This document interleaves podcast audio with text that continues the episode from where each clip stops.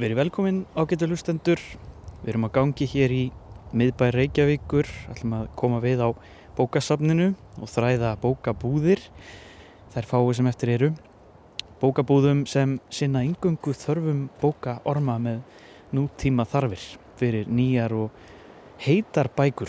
Og þetta síðast nefnda er í takt við það sem ég ætla að segja ykkur frá hér rétt á eftir lestrar æði seta kynnslóðarinnar. Yngri lesendur eru sólgnar í prentaðar bækur en mörg halda ekki farast úr áhyggjum alveg strax yfir lestri unga fólksins. Svo verða tvær gjör ólíkar en áhugaverðar bækur á borðinu í þættinum. Sigurmóli rifjar upp sögur og ástandið í nýju ljósi. Ég heiti Jóhannes Ólafsson og þetta eru bara bækur.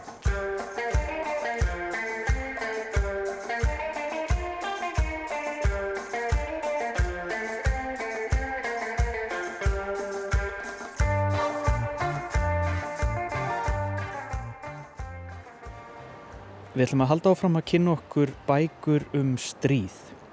En síðustu tvo þætti höfum við flett í nýjum íslenskum og erlendum bókum sem glýma við stríðssagfræði. Og reyndar líka um yfirstandandi stríð því stríðin virðast vera ævarandi ástand því miður. Kinnlegt stríð ástandið í nýju ljósi heitir ný bók eftir Báru Baldurstóttur sagfræðing þar sem hún dregur upp mynd af ástandinu svo kallaða hér á hernámsárunum þegar viða í íslensku samfélagi máttu finna spennu og áhyggjur af samskiptum íslenskra kvenna og útlenskra hermana.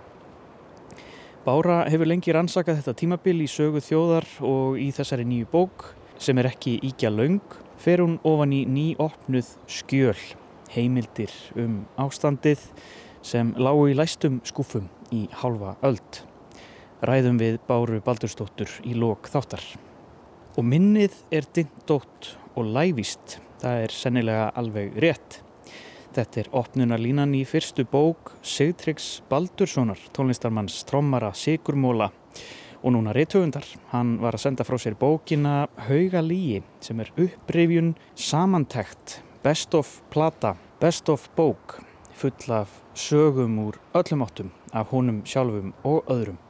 Þær eru ekki haugalígi, þær eru korki, alsannar, nýje upplognar eins og stendur skrifað. Eftir þetta stopp hérna á bókasafninu þá röldum við áfram um miðbæin og hittum Sigtrygg Baldursson, spyrjum hann aðeins út í sögur og sagna list almennt og hvað maður mann minnið ervist, dindót og lævist. Meirum það á eftir, en fyrst þetta, lestur er lostafullur.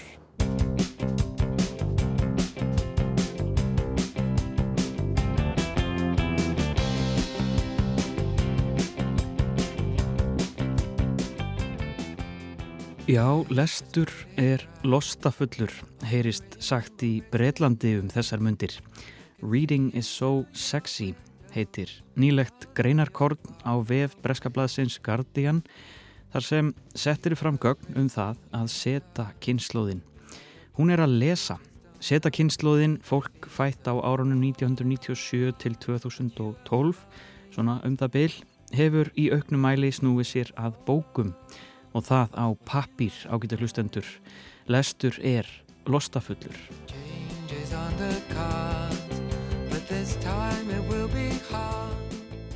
Bóksala í Breitlandi hefur sannlega blómstrað undan farin misseri og ungir lesendur er að hörfa frá mettaðri og háfaðasamri veröld samfélagsmiðla frá hinnu vilda stafræna vestri. Að minnstakosti er bókin farin að keppa við síman. Á síðasta ári seldust tæplega 700 miljón bækur bara í Breitlandi. Það er að slaga í miljard. Og haldið ykkur fast, það er sölu met frá því að mælingar hófust þar í landi. Sakvæmt rannsókn Nílsen Book Data kemur fram að seta kynnslóðin vill prentaðar bækur, bækur af pappir og bleki og þetta fólk ber um það byl 80% af heildarsölu bóka frá november 2021 til 2022 og bókasöfnin sjá líka aukningu gesta af þessari kynsluð sem vilja lestrar næði og kyrð frá skrafi og bollaleggingum kaffihúsana og aftur frið frá símanum. Heimsóknir á bókasöfn í Breitlandi hafa aukist um 71% á aðeins örfáum árum.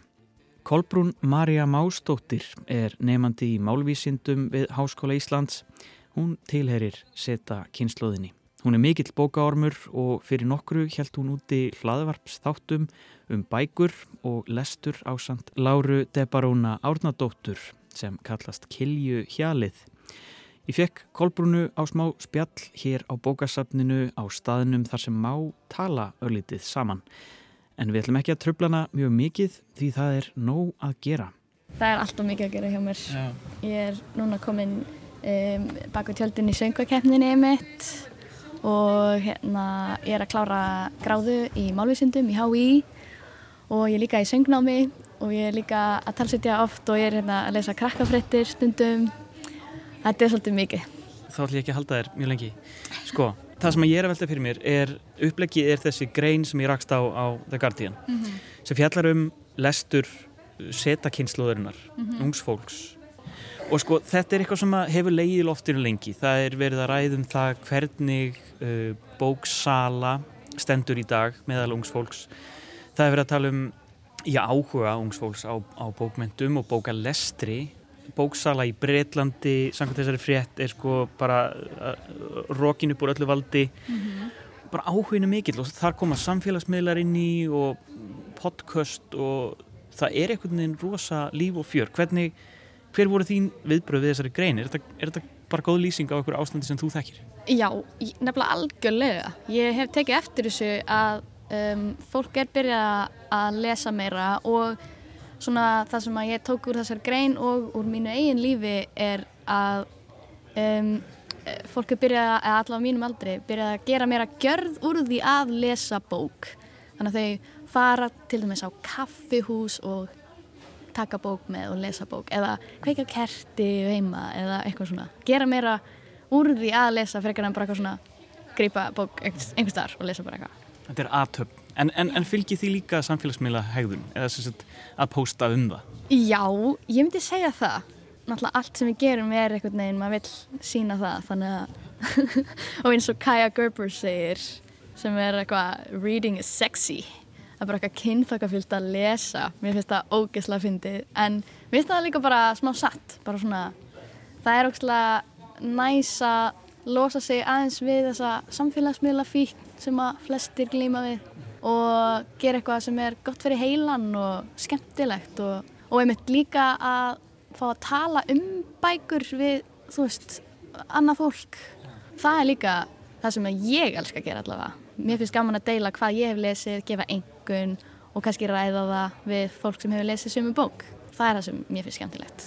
Og þessi Kaja Gerber, hún er með blogg eða einhvers konar umfjöllun um bækur þar sem hún er að deila sínu lestri og... Já, hún hérna var með bara eitthvað svona bókaklúb þar sem hún sagði ok, núna allir að lesa þessa bók og hittumst eftir þannan og þá er hún með livestream og fær, einmitt kannski höfundin með, viðtal Ég veit að Laufey, hérna, söngkona, Grammy veluna hafi, mhm. hún er líka, hún hefur gert þetta, var með svona bókaklúp þar sem að fólk var að ræða og lesa sömu bók og ræða hana eftir einhvern mánu eða eitthvað hannig. Þannig að já, áhugin er mikill. Já, áhugin er mikill og þessi Kaja Gerber er 22 ára módel og beinir sínum sjónum mikill að bókmyndum, stopnaði bókaklúpin Library Science. Hún nýtir miðlana sem sé í umræður um bókmyndir og já, lestur er lostafullur. Það er tilvittnun í hana í viðtali við Guardian. Hennar fyrsta bóka umfjöllun var fyrsta skáldsaga íransk-ameríska skáldsins Kaveh Akbar, bókin Martyr. En Akbar var einmitt gestur í þessum þætti í haust þegar hann heimsótti Ísland. Alls konar bækur verða vinselar með hjálp samfélagsmiðla. Þar hefur TikTok verið stór drivkraftur og þar er talað um BookTok, fólk sem notar þann samfélagsmiðil til þess að mæla með bókum. Þá koma inn fleiri hugtök. Halli Brown sem er annar bóka áhrifavaldur á TikTok talar um undirflokka BookTok til að mynda Hot Girl Books og Sad Girl Books sem sagt heitar og sorgmætar stelpur. Allt fer það eftir stemmingu sögunar. Þetta eru fagurbókmyndir og sjálfsæfisögur sem fjalla um reynsluheim kvenna, bæði í bernsku og á fullorins árunum. Hvaða bókmyndir sér þú mest svona í kringum þig? Þú veist, hvaða bókmyndagreinar er, er það mikið að stökka á einhver trend eða er það að fara skipulega í gegnum alls konar ólíkar bókmyndagreinar? Hvernig, hvernig lestu í þetta? Já, um, ég myndi segja klálega einhvers konar fagur bókmyndir. Það er oft, hérna, ég er einmitt að followa Instagram síðu sem heitir Hot Girls Reading Books eða eitthvað þannig. Þá er oft svona vinsalar bækur sem eru með svona fagbókmentir, bara svona skáldsögur aðalega, stundum líka bara ekki skáldsögur. Til dæmis, þú veist, einn sem er svona talin einn mesta hot girl book er hérna Secret History eftir Donna Tartt. Það er oft bara svona fullt af myndum af einhverju flottu fólki að lesa hana. Þannig já, ég myndi segja það, en líka það er svona sérstökt hérna genre sem er svona romans, eitthvað svona romansbækur Colleen Hoover er rosalega vinsæla á TikTok til dæmis. Þannig já, ég, já, ég myndi að segja að það sé að myndast nýtt genre sem er bara TikTok bækur, bara bækur sem verða vinsælar á TikTok. Því meira sem er talað um það þar því fleiri vilja vera með í því og kaupa sér þær eða lesa þær. Það er eitthvað, það er eitthvað sérstakt. Ég hef eftir að finna út úr hver er svona rauði þráðurinn í gegnum allar þessar TikTok bækur en það er einhver. Ég nefnilega hef ekki alveg dóttið inn í rómans bækurnar, ekki ennþá allavega en hérna ég á mér svona nokkra uppáhalds uh, youtubera sem er, er að tala um bækur líka kallaðir booktubers. Mm -hmm. og þau mæla oft með einhverjum bókum og ég ekki, mm, já, ég ætla að setja þetta á hérna listan uh, en já, mér finnst mjög gaman að lesa skáldsögur og svona mikla kannski persónugreiningu hvernig fólk líður og... en nei, ég er ekki mikið klassík og einu mín uppáhaldsbókum frá því á síðast ári heitir Happy Hour eftir Marlo Granados, bara ung kona og það var bara svona um mjög breyska unga koni sem ákvaða að flytja til New York og bara eitthvað að lifa lífinu og allt svolítið missefna mm -hmm. og það gerðist eiginlega ekkert mikið í bókinni en það var bara svona ótrúlega góð vibes mm -hmm. í henni. Mér finnst líka mjög gaman að lesa íslenskar bækur þegar við erum svo mikil bókmynda þjóð og við erum svo góði í þessu sko. Mm. Þannig já, það náttúrulega getur líka verið um svo margt sko. Ég var líka mjög mikið að lesa Stephen King þegar ég var aðeins yngri. Líka svona horrorbækur, já. Ég las mikið Nancy Drew þegar ég var lítil, svona mysteria, eitthvað. Ég, jú, ég er ofin fyrir öllu sko. Ég bara, ef þetta er vel skrifað þá skiptir ekki máli um hvað það er. En þessi Guardian grein um það að setja kynsluðin sé að lesa Það tengist þeirri umræðu um að bækur séu á undanhaldi. Unga fólkið nenni ekki að lesa, hafi ekki aðtegli í að lesa og að bókin sé ekki sá miðill sem stýri umræðinni á sama hátt og áður eða reyfi við samfélögum á sama hátt og áður. Heldur þú hafið einhver svör við því af hverju þetta er? Þú veist, er þetta einhvers konar, þú nefndir aðeins að þetta væri pínu svona ansbytna við samfélagsmiðla og nótkunn. Já. Um, þannig er ekki beint verið að fylgjast með þér. Ertu með einhverja svona einhver sögur við ástæðinni ef við endum þar bara. Já, sko, ég held að við séum alltaf mjög meðvitið um að við séum að lesa minna. Um, okkur hefur bara verið sagt að svolítið mikið síðan við vorum unlingar allavega síðan ég var unlingur bara að það lesi enginn í dag lalala, eitthvað svona. Og ég held að um, fleiri en við höldum finnist það leðilegt og vilji laga það ástand. Þannig að eru að gera þetta að einhverju sem er aðlaðandi um mitt og sexy eða eitthvað. Mm -hmm. að reyna að gera þetta svo að fólk um, fá þennan áhuga aftur. Og þegar við vitum all hvað er gott fyrir mann að lesa og þetta þú veist já við vitum að hvað það gerir fyrir heilan og um mitt skapar umræðu og koma með eitthvað svona uh, já, bara lestur er svo góðu fyrir mann og það vita það allir en margir eru oft bara eitthvað oh, æ, ég er svo léleg, ég hef ekki lesið bók í heilt ár oh, eitthvað svona, heilas enga bók á þessu ári, eitthvað svona. Ég fæ það mjög mikið þegar ég er að deila á samfélagsmiðlum, hey, ég var klárað þessa bók ég las svona marga bækur á árinu. Það er eitthvað svona, oh, þú ert svo geggið og ég vildi að ég væri svona. Skilur, ég fæ alveg endanust af því. Þannig að það, kannski gaggrinnin á smá rétt á sér og það er eitthvað skömm hérna Já, ég held það, algjörlega. Og ég held að, einmitt, við séum meðvitið um að við þurfum að, að laga þetta. Ég sérstaklega finn fyrir því um, varandi íslensku, bara um, ég væri til í að það væri meiri booktalk stemming á Íslandi út af því að því fleiri sem lesa íslenskar bækur því, því betri verður við íslensku líka. Kolbrún, ég ætla að hleypa þér aftur Já. í öll þau verkefni sem að eru framöndan hér. Já, Uh, takk fyrir spjallið. Já, sem leiðis.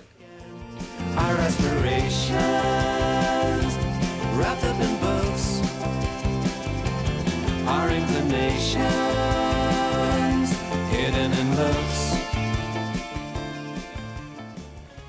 Eins og ég kom inn á í upphafi þáttar erum við hér í miðbænum að þræða bókarýmin í bænum, bókasöfn og bókabúðir. Við kveðjum Kolbrúnum Maríu og vonum að það sé sama bóksala og lestrarsprenging hér og í Breitlandi meðal ungs fólks. En við erum núna á leiðinni á fund við mann sem var að gefa út hauga líi. Það er sem sé nafnið á fyrstu bókinans. Og höfundurinn, hann er stattur á skrifstofu sinni í tónlistamiðstöð Íslands í Austurstræti. Hann er líka tónlistamæður, trómari, hann er sigurmóli, hann er kuklari og margt fleira og heitir Sigtryggur Baldursson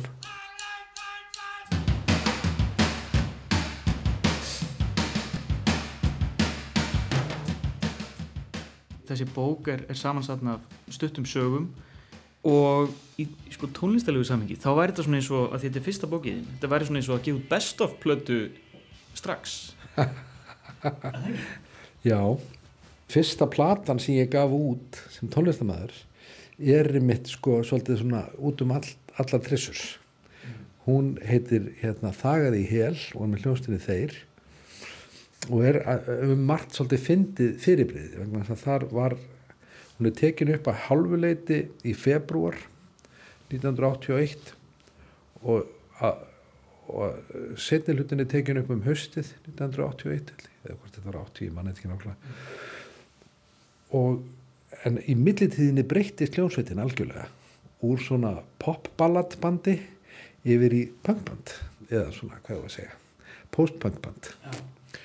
Og, og, og tónlistin á þessari plötu ber þess merki sko. hún er eiginlega daldið svona all over the place. Og ég hef oft sagt sko að ég hafi svolítið hérna fjölbreyttan smekk. Má, má líka orða að það að ég, mér leiðist auðvitað að ég, ég þarf ofta að hafa svolítið ég, eh, mismunandi hluti í gangi til þess að halda mér glöðum.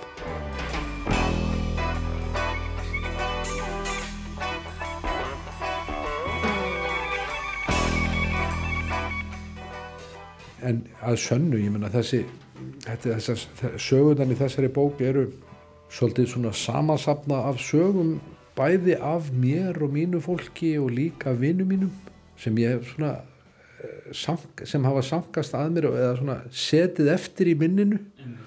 Og svo filterast þetta út úr hausnum á manni á ákveðin hátt. Og það er einmitt að því ég, ég og, og margir vinni mínur hafa grínast endalust með það sko, hvernig við munum hluti misjaflega og hvernig minnið okkur er. Og við hlófum mikið að, að hérna nokkrum sögum hérna í þessari bók þegar vorum að rifja þetta upp sko.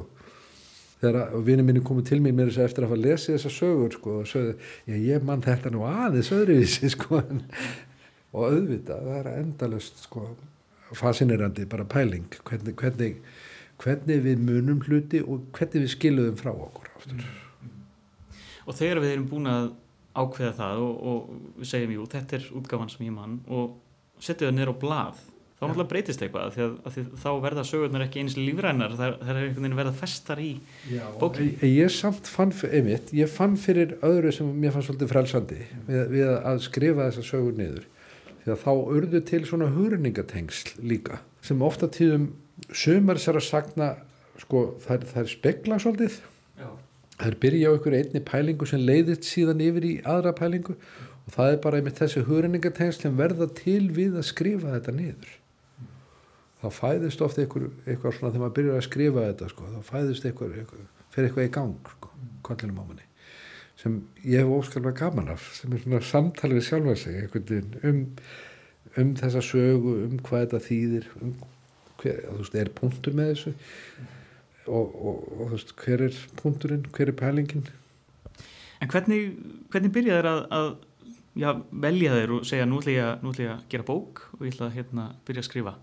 sko, já, sko fjölskylda mín og vinir um, myndu segja að þessar sögur væri svona greatest hits úr, úr mínum sagnabanka að sömu leiti þú veist, ég var gaman að endur segja sögur sem detta inn í hausina á mér annarkvort. Eitthvað sem ég er að reyfi upp sjálfur sem kemur fyrir mig eða eitthvað sem vini mínu segja mig frá eða annað fólk segja mig frá. En, en að sönnu ég meina allar þessar sögur eru þá annarkvort eitthvað sem kemur fyrir mig eða hefur komið fyrir einhverja vini mína eða fjölskyldu. Þannig að þetta er allt sko er inni annarkvort fólk sem ég þekki eða eitthvað sem kemur fyrir mig sjálfan í rauninni en hins vegar er útfæslan á þessu getur verið allt upp í haugalígi sko, allt frá dags, dagsönnu upp í haugalígi já, Stutt í lígina. ha, Stutt í lígina. já, þú veist hvernig við, já, já, það er alltaf stutt í lígina og, og sérstaklega ef hvarðin er, er mjög strangur. En svo er, gengur þetta allt út á það, veist, hvar byrjar, byrjar sannleikurinn og endar lígin þá á ekki að láta sannleikan koma í veg fyrir góða sögu. Það er eiginlega eða eiginlega góða sögu. Þannig var nú máltækið að mér minnir sko, eða þessi frasi.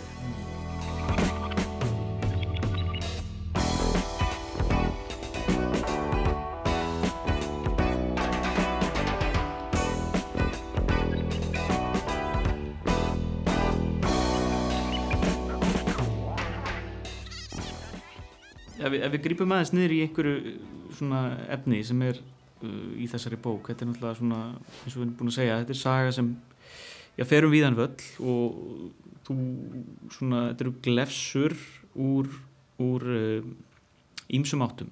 Uh, sko það er til dæmis að því að þú náttúrulega með uh, þinn tónlistabagrunn, uh, sko það er hérna að tala um fyrsta skráða dæmið um útflutning íslenskrar tónlistar, það er náttúrulega mjög skemmtileg saga segð maður þess frá henni er, þa er það allt byggt á miskilingi? Já, sko, nei, það eru náttúrulega, sko, höfðu verið íslenskir, íslensk tónlistarfólk að, að syngja og, og, og leika alþjóðlega í, á, á fyrri hluta síðustu aldar. En þetta er bara svo skemmtileg, skemmtilega hnitmiða því þarna er flokkur af harmonikuleikurum, harmonikufélag Austurlands sem ákveður að fara á, á festival í Bandaríkjunum sem er harmonikufestival en þegar harmonikan kemur inn í íslenskt mál að þá e, e, tekur hún á sig nafn munnhörpu í ensku. Og, og það er þessi miskilningur sem er svo fyndin og skemmtilegur og, og verður og vindur upp á sig sko í sögunni. Og hérna og, og það er það er það sem er fast og gaman við þetta. Og líka bara eitthvað við þennan tíma.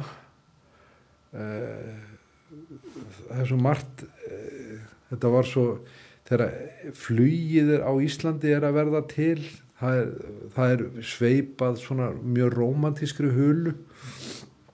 Og þetta var svo mikið ævintýri sko.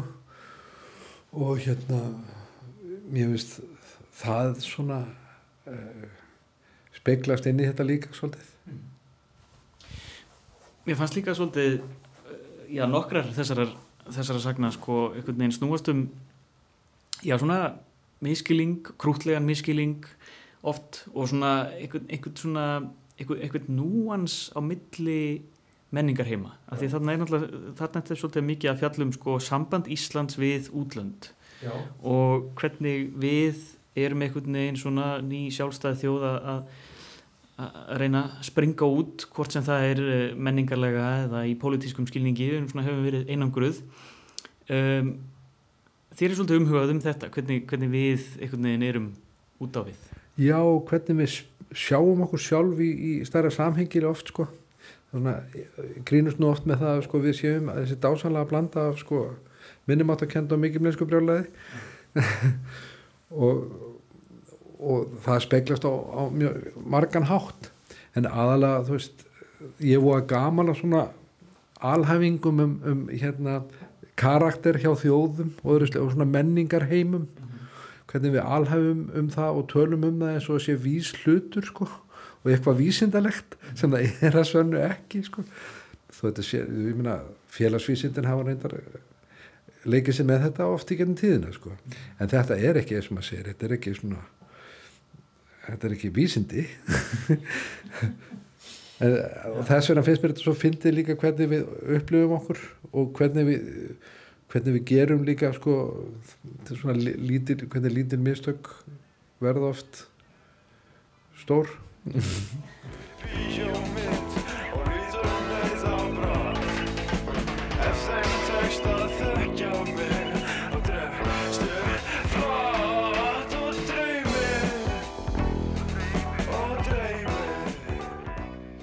Aðeins um bandaríkin, af því að þú er nú búið á, á ólíkum tímaskeiðum æfinar í, í bandaríkjónum. Um, langar þess að spyrja þið út í svona þitt samband við þetta stóra undarlega land.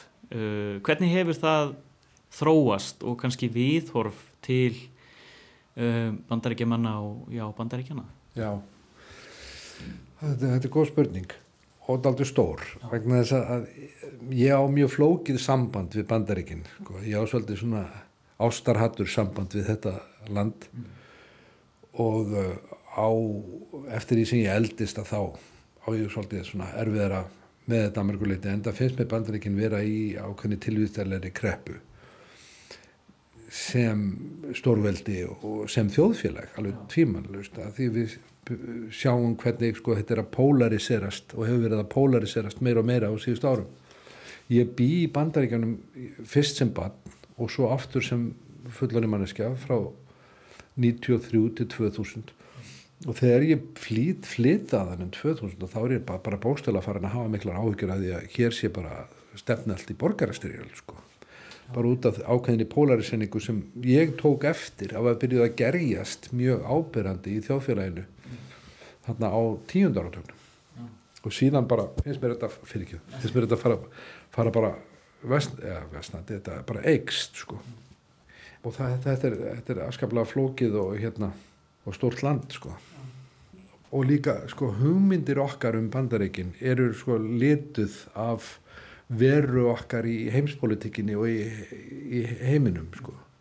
Við náttúrulega, hér var bandarískur hér mjög langan tíma og, og við erum mjög svona vestræn og, og hvað ég var að segja og, og þú veist, það er ekkert mikill filter á, á, á fréttum frá bandaríkanum og menningalega sérstaklega líka.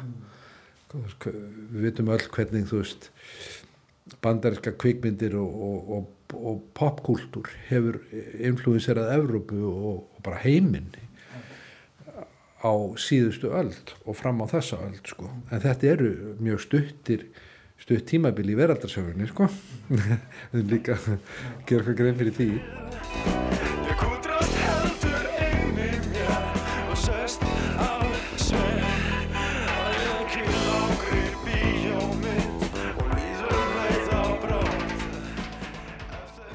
Hvernig sögur heilla þig? Hvernig sögur sitja eftir? Þetta er mjög góð spurning. Það er alls konar sögur sem heilla mann og af mismunandi ástæðum. Uh, ég hef óskaplega gaman af, af fólki sem er að segja sögur af hverstasleikanum, uh, þessum litlu hlutum, þess, þessu, þessu það er orði í ennsku sem er serendipity, sko, sem er náttúrulega svona skemmtileg slisni, eða svona, já, eitthvað slis sem, e- e- eitthvað slisni sem verður til þess að e- eitthvað breytist þúma. eitthvað lítil þúa sem veltir ykkur í skrýtnulhassi og það er ekkert alltaf slæmt, það er stundum mjög gott eða stundum vera til stórkostlar uppkvötanir af í slisni og ykkur, þessi litlu núansar í, í svona lífinu sem eru svolítið inspirasjón fyrir mig persónulega í, í að segja sögur og, og svona ykkur, ykkur lítil tvist sem ég fæ ósvæðlega mikið út úr. Og, og svona persónulega uh, óskaplega gaman af. Og ég meina reythöfundar jafn ólíkir og, og Haldur Lagsnes og, og David Sedaris sko hafa haft á, sem mér finnst báðir eðislegir sagnamenn sko. Og, og sem ég hef haft, hafa haft áhrif á mig bara s- í því að segja sögur sko.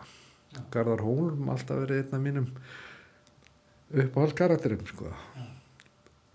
Um, sko þú, Sittur ykkur, hefur náttúrulega ekki uh, lagt sko tónlistina á hilluna eða kjöðana uh, en, en er þetta það sem að koma skal? Ertu, ertu komið með bókaveiruna? Já, ég kom í bókaveruna sko. Þetta er bara viðbót við lífið og hérna viðbót við svona uh, að, að fá að, að tjá sig og, og, og, og hérna vera skapandi Deila sögum. að sögum. Það er bara mikil forréttindi að fá að gera það. Takk fyrir spjallið Sittur ykkur og takk fyrir mótökunar. Takk fyrir mig.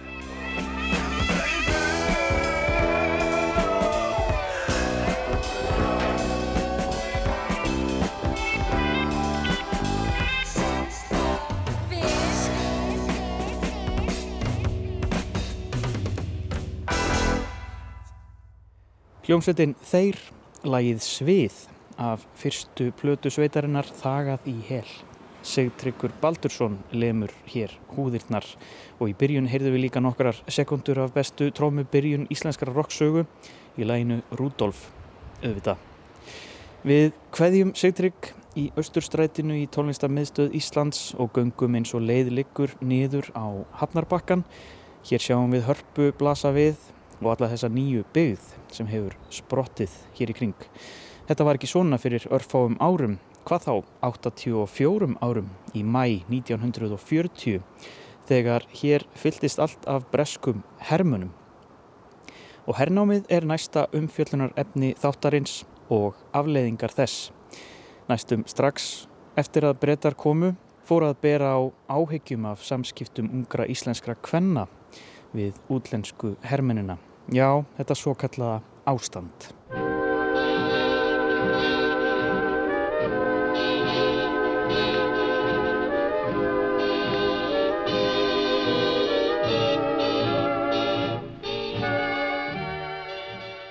Bára Baldursdóttir, sagfræðingur, hefur lagt stund á rannsóknir á ástandinu um nokkurt skeið. Hún var að senda frá sér bókina Kinnlegt stríð, ástandið í nýju ljósi, þar sem fjallað er um njósnir yfirvalda um fjölda stúlkna og kvenna sem taldar voru ógna íslenskri menningu og þjóðirni með samneiti við erlenda hermenn. Ég byrjaði að skoða þessi mál eh, fyrir um það byrj rúmum 20 árum síðan og, og þá var það tengslu við meistarreitgerð sem ég var að vinna að og þá átta ég mig á því að það var hansi takmarkað af, af gögnum sem ég hafði úr að móða í tengslu við uh, þetta tiltekna mál sem að uh, um bara ræða. Og það var, ég vildi gerna skoða ungmennadómstólin, uh, vistheimili sem stúlkur voru vistaðar á eins og kleppasækjahælið og ég hafði ekki mikið af heimildum þegar ég fór á stað, af stað með þetta og taldi þá hreinlega að, að megnið af þeim hefðu glatast. Það voru íslensk stjórnvöld sem bröðu á það ráð að stopna svo kallað ungmennaráð og síðar ungmennadómstól sem bára vísar til. Í vonum að hafa áhrif á það sem tali var skadleg hegðun ungra kvenna sem taldar voru ógna íslenskri menningu og þjóðerni. Að vera í nánum samskiptum við hersetuliðið. Og þessi domstól dæmdi stúlkur til sveitar eða hælisvistar, stofnað var hæli á Kleppjártsreikjum eins og frækt er, þar sem þær voru látnar dúsa gegn sínum vilja til að bæta siðferðisvitun þeirra, þær voru hreinlega teknar úr umferð. Árið 2012 var fræðimönnum veittur aðgangur að nýjum gögnum eða réttar sagt gömlum gögnum í fyrsta sinn og það var kveikjan að bókinni, segir Bára. En síðan kemur í ljós að árið eh, 2012 að þá eh, fá fræðimenn aðgang að tveimur skjálasöfnum á þjóðskjálasöfni Íslands Annars vegar uh, varum að ræða sapnu frá ungmenna eftirliti lauruglunar í Reykjavík mm. sem hafi verið lokað í hálfa öld að þjóðskjálfsafni. Voru það þá skýrslur sem að fulltrúar þessar nefndar hafi verið að saman? Þetta, þetta voru sem sagt uh, til að mynda uh, bækur bækur, minnisbækur Mm. sem að, sem sagt, þar sem að um var að ræða tíu minnisbækur þar sem að nöfn hvenna koma fyrir og ennfremur svona lýsingar á því þar sem að uh, það verist vera að það hafi, hafa verið einhverjir uh, aðlar sem gáfu ungmenna eftirlitinu upplýsingar um tilteknar konur. Það var í tengslu við siðferðisansókn sem framfór árið 1941 og Jóhanna Knúðsen sem þá var, þá var sem sagt, það hefði ný loki störfum á, sem yfirhjógrunarkona á, á sjúkurásun Ísafjörði. Hún tók að sér að vinna þessa rannsókn og það var ansi mikið að gögnum frá þeim tíma og síðan virðist, vi- eh, virðist eins og þessar rannsóknir hafi haldið áfram og skráningarnar þar með eftir að þessari tilteknu rannsókn lauk sem átt að taka tvo mánuði. Frá því að brettar stegu fyrst á land leið ekki á löngu áður en áhyggjur vöknuðu af samskiptum herliðs og íslenskra kvenna. Þetta var nær samstundis. Það gerist ótrúlega fljótt. Það kemur, uh, kemur manni óvart að- að bara nánast bara daginn eftir að, að breytar hernema landi þá fer, er þetta farið í gang sko. Þá, hafa, þá byrtast greinar þar sem að í- framkemur að, að það eru miklar áhyggjur af framferði stúlknana, íslensku stúlknana en, en það er þykja að vera ansi svona ganga hart fram gegn hermununum og sitja fyrir þeim og, og, og, og, og slíkt sko. Og það verður, það fer mjög fljótlega í gang einhver svona hystería og uh, ég held að ég geti sagt að, að, að til að mynda sko bara lýsingar frá því í júni að þá eru óenginnus klættir uh, lauruglumenn á, göttunum að fylgjast með framferði íslenskra kvenna og hermana. Sem eru bara njósnir. Já, og, og, og það fara sögur af því að þeir bara taki stelpunar og, og, og skellið minn í bíl og kerið þar heim ef þar eru eitthvað í einhverjum svona, já, og afa sömum samskiptum. Og þannig að þetta, það er mjög fljótt sem þetta gerist. Og þessar áhyggjur leittu síðar til formlegri rannsókna. Þessi siðferðisrannsókn, hún er unnin vorið 1941, tvekja mánuða rannsókn. Og svo nýðustæðar sem úr þeirri rannsókn kemur, bendi til þess að ungar stúlkur séu sem sagt í stórmæli í samskiptu við hermenn og það þurfa að gera eitthvað í þeim málum. Og, og þá fer á stað ákveð, ferli sem endar með því að í desember sama ár eru sett bráðabyrðalög uh, sem hveða á um það að hér skuli settur á stopn ungmennadómur til þess að taka á þessu vandamáli. Og hann, hans hlutverk er að dæma eða, eða úrskurða stúlkur til sveitavistar eða þá á hælisvistar og til þess að það veri framkvæmalegt þá er ungmenna eftirlit lauruglun sett á laginnar eða samhlýða og það, hlutverk þess er í raun og veru að, að hérna, rannsaka málstúlknana og sjá um yfirheyslur og þvílegt. Þannig að hérna, þetta ungmenna eftirliti verður svolítið svona mikilvægt uh, svona apparat í þessu öllu. Þannig að þetta er eiginlega sko framkvæmdavald og dómsvald. Já, Svona já. í þessu, þessum málaflokki. ungmennadómurinn heyrir undir sakadóm Reykjavíkur. Já. Já, það er hlutverk ungmenna eftirlitsins að rannsaka mál, mál stelpnana sko. Mm. Og þar eru, uh, það eru ansi svona viðamiklar yfirheyslur uh, sem hann er svona halvpartin uh, blaskrar af því það, þarna voru um að ræða oftast nær sko, stúlkur sko sem voru innan 18 ára aldurs það var bara eins og þetta var einhvern veginn svo stórt í sniðum miða við hvað í raun og voru, þetta voru litlar, hvað ég vil segja, sakir sem að máli snerist um.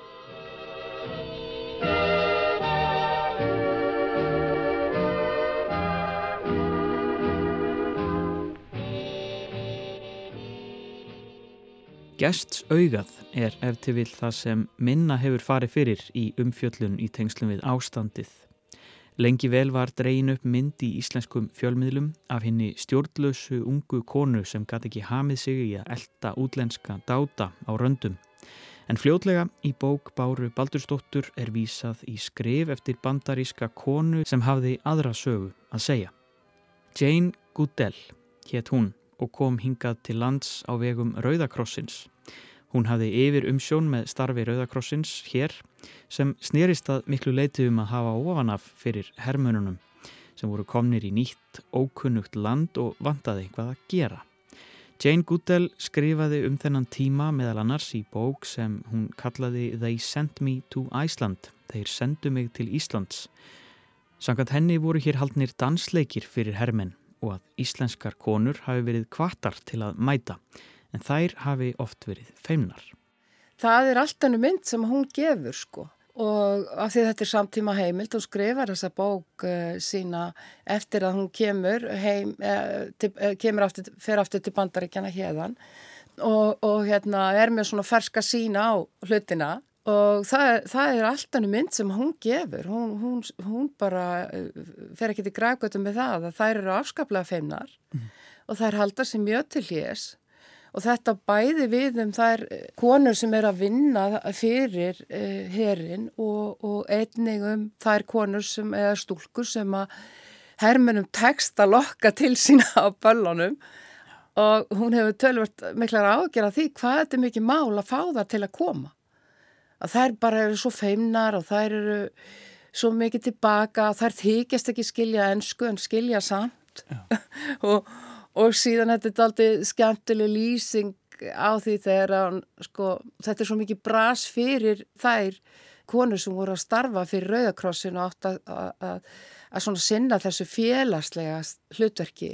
Hermennan leittist, það var lítið við að vera, Já. fáir staðir sem þeir gáttu farið á og þeir, þeir voru ótrúlega spenntir fyrir þessum böllum og það var allt gert til þess að reyna að fá stúlkur, til þess að dansa við þá. Já. Það snerist um þá. Já, það snerist um þá já. að þeim liði vel og þeir varu ánæður hérna. Í nýju landi. Og, já, já. Og, en þetta var uh, tómt versin að fá stúlkurna til að koma og þær voru svona, hún lýsir því þannig að þær hafi, þegar það kom á staðin að voru kannski í mesta lægi kannski 40 stúlkur sem mættu á dansleik, það var það mesta og þetta var náttúrulega, það voru kannski hundruður hermana. Mm og það er, genga ekkert bara beintinu dyrna, það voru oft svona hafðu varan á sér og kýttu svona inn um dyrnar og til þess að skanna umhverfið og svona. Og svo svona smám saman það var hægt að fá þar til að koma inn okkar einu og svo bættist fleiri við og, og svo náttúrulega þetta er alveg ótrúlega skemmtileg lýsing og þeir og allra augu mændu á þær og svo, svo var náttúrulega slegist um þar í dansinum og hérna Og þessi, þessi Jane Goodell, hún er að skrifa um þetta. Hefur þetta verið mikið rætt, þessi skrif og þessar lýsingar? Nei, mér finnst, það held ég ekki. Þessi bók hefur, hún, hún reyndar ekki verið þitt, hún er hérna, ég held hún sé bara ekkert mjög vel þekkt hér. Ég, ég hef bara ekkert heyrt eh, mikið rætt um þessa bók. Fannst, ég valda hana vegna þess að það var kona sem að skrifaði, skrifaði hana og mér fannst þetta aldrei bara stert að leifa hennar rött að skýna þarna í gegn. Og, og þetta er náttúrulega kapli sem heitir sko gests auga já. og það er það sem hafa kannski skort í umfjöldunum um þetta. Já, já mér, mér finnst það að, að það hafi kannski búin eitt mikið á, á svona þessu og það þarf auðvitað kannski bara að skoða það frekar og, og, og hvernig þetta byrtist og auðvitað byrtist alls konar greinar í, í, í blöðum og frá Íslandi og þær voru nú svona mis, hvað ég segja, mis sann, sannar og, og svona daldið með ólíkindum sumar. Og samskiptin auðvitað ólík eftir já, hver átti hlut. Jane Goodell lagði ríka áherslu á að íslenskar stúlkur væru síður en svo kuldalegar heldur þvert á móti því við nánari aðtugun reyndust þær afar vingjartlegar. Að hennar sögn var aðal vandamál hermanuna að kynnast stúlkonum almennilega þar sem innileg samskipti kynjana í almanaríminu væru almennt ekki til siðs á Íslandi. Sem sagt, þar mættust ólíkir menningarheimar. Í raun og veru rekast tveir menningarheimar saman að því leiti að, bandaríkjamenn hafa ákveðina siði í sambandi við eh, það að þegar þeir umganga stúlkur sko þá og á þessum tíma þá, þá var það mjög algengt að, sko þessi menninga bjóða þeim eitthvað kaffós eða eitthvað slíkt og, og svona byggja upp sambandi með þeim hætti þeir, þeir sem sagt fylgja þeim gjarnan uh, til dæmis heim eftir, eftir dansleiki, það er síður hjá þeim. Og, og, þeir opna fyrir þeim uh, opna bílhörðir og, og því líkt. En þetta var nú kannski ekki algengur síður hér. Svona, það kemur fram í þessari hérna lýsingu að, sem þú veist að vitna til að, að þeim finnst þetta aldrei sérstakt sko að stúlkurnar þar sitja bara og býða eftir einhverjum bjóðum upp og síðan er dansað og síðan setjast þar aftur í sæti sitt. Mm. ganga sjálfar í sæti en þeir, þeir fylgja þeim sko í sætið og, og þeim fannst að, eðlilegt að fylgja þeim heim eða sjást á gangi með þeim eða fara með þeim á Hotel Borg þeir sem þanga fóru. Og það var ekki datuvert við þetta í þeirra augum. Íslensku stúlkurnar þær eru hins vegar meðvitaður um það að þetta er ekkit alveg í lægi sko. Í litlu samfélagi að- Já, að sjást. þú getur hugsanlega lenda á einhverjum Já. lista uh, hjá lauruglunni ef, ef, ef að sopar undir sko, eða það- sopar undir. Já, var það strax orðin ótti? Já, það greinlega kemur fram í þessari bók sem þú vitnar í, að það er óttið við þetta. Þess vegna haga það þær sé svona, fara svona varlega í hlutina, vegna þess að þær eru meðvitaður um að þetta geti skadað þær á einhvern nátt. Mm. Og það var mjög erfitt til dæmis, það var kvarta undan því að það var, var mjög erfitt að fá það til sig að gefa upp nöfn til að mynda þegar ljósmyndarar voru að taka myndir og þær voru mjög svona óörökar með sig sko. Þannig þetta er greinilega, það, það er greinilega einhver vitneskja um að þetta geti haft slæmar afleðingar. Eins og fyrr segir höfðu hernáms árin djúb og víðtæk áhrif á litla herrlausa þjóð norður í Allandshafi sem hafði ekki séð neitt stríð og áhrifin voru bæði jákvæð og neikvæð.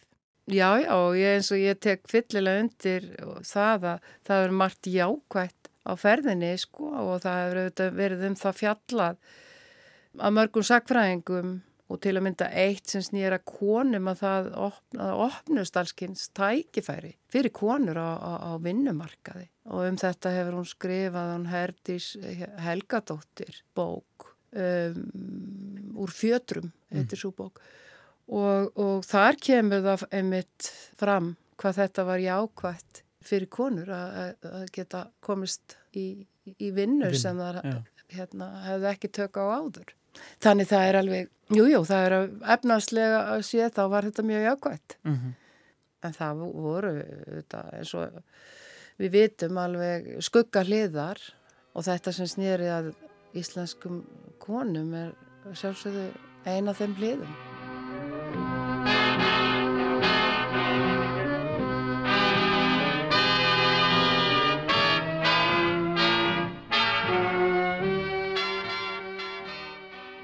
Hefur þú eitthvað rannsakað þetta svona í samengi við sko það sem gerðist í öðrum löndum? Af því að það er náttúrulega ímislegt sem gerist þegar að lönd eru hernuminn uh, félagslegt og hvernig þetta hefur áhrif á almenning. Var, var ástand annar staðar?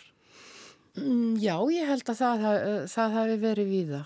En um, ég þekki ekki til þess að það hafi uh, að setja á lakirnar dóm eða eins og ungmennadómur virkaði hér sko, ég held að ég, ég, ég kannast ekki við neins ambarlega dæmi í samtíð það.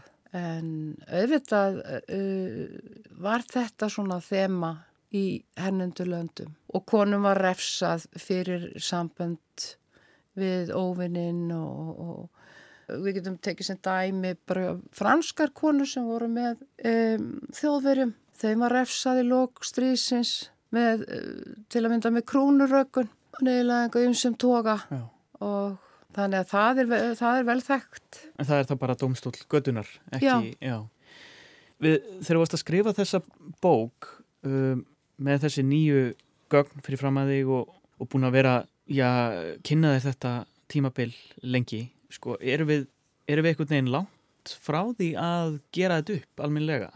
Nei, veistu það, ég held að við séum akkurat á þeim stað núna. að við séum tilbúin að gera þetta upp. Mér sýnist að það sé, sko, ég er að vera viðþorfi. Við þurfum að, ég held að sé við almennt viðkjönt að við þurfum að gera þetta upp. Hins vegar þegar ég byrjaði að vinna í þessum málflokki, byrjaði að skoða þessi mál, þá sko hafði ég á tilfinninginu að það væri, þetta ætti bara að liggja. Sko, fólk vildi ekkit vera að reyfa við þessum, þessu máli og ég heyrði svona rattir sko sem sagði eitthvað að leið, ég minna að það er búið að skrifa um þetta. Alltaf þú að fara að skrifa um þetta líka. Það, Opna sko, sárið. Já, það var alltaf í, í þá veru sko.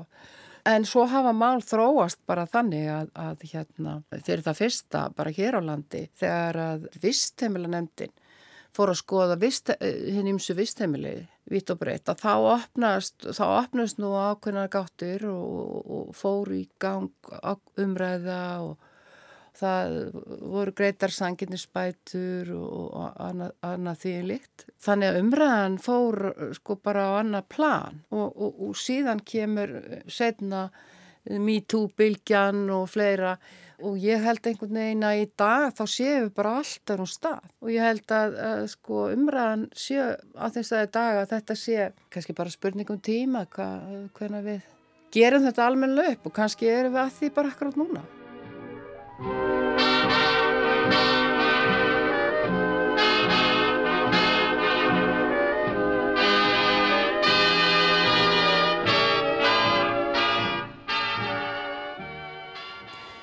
Bára Baldursdóttir, sagfræðingur, sagði frá nýjustu bóksinni Kinnlegt stríð, ástandið í nýju ljósi og ljúkum þar með þætti dagsins.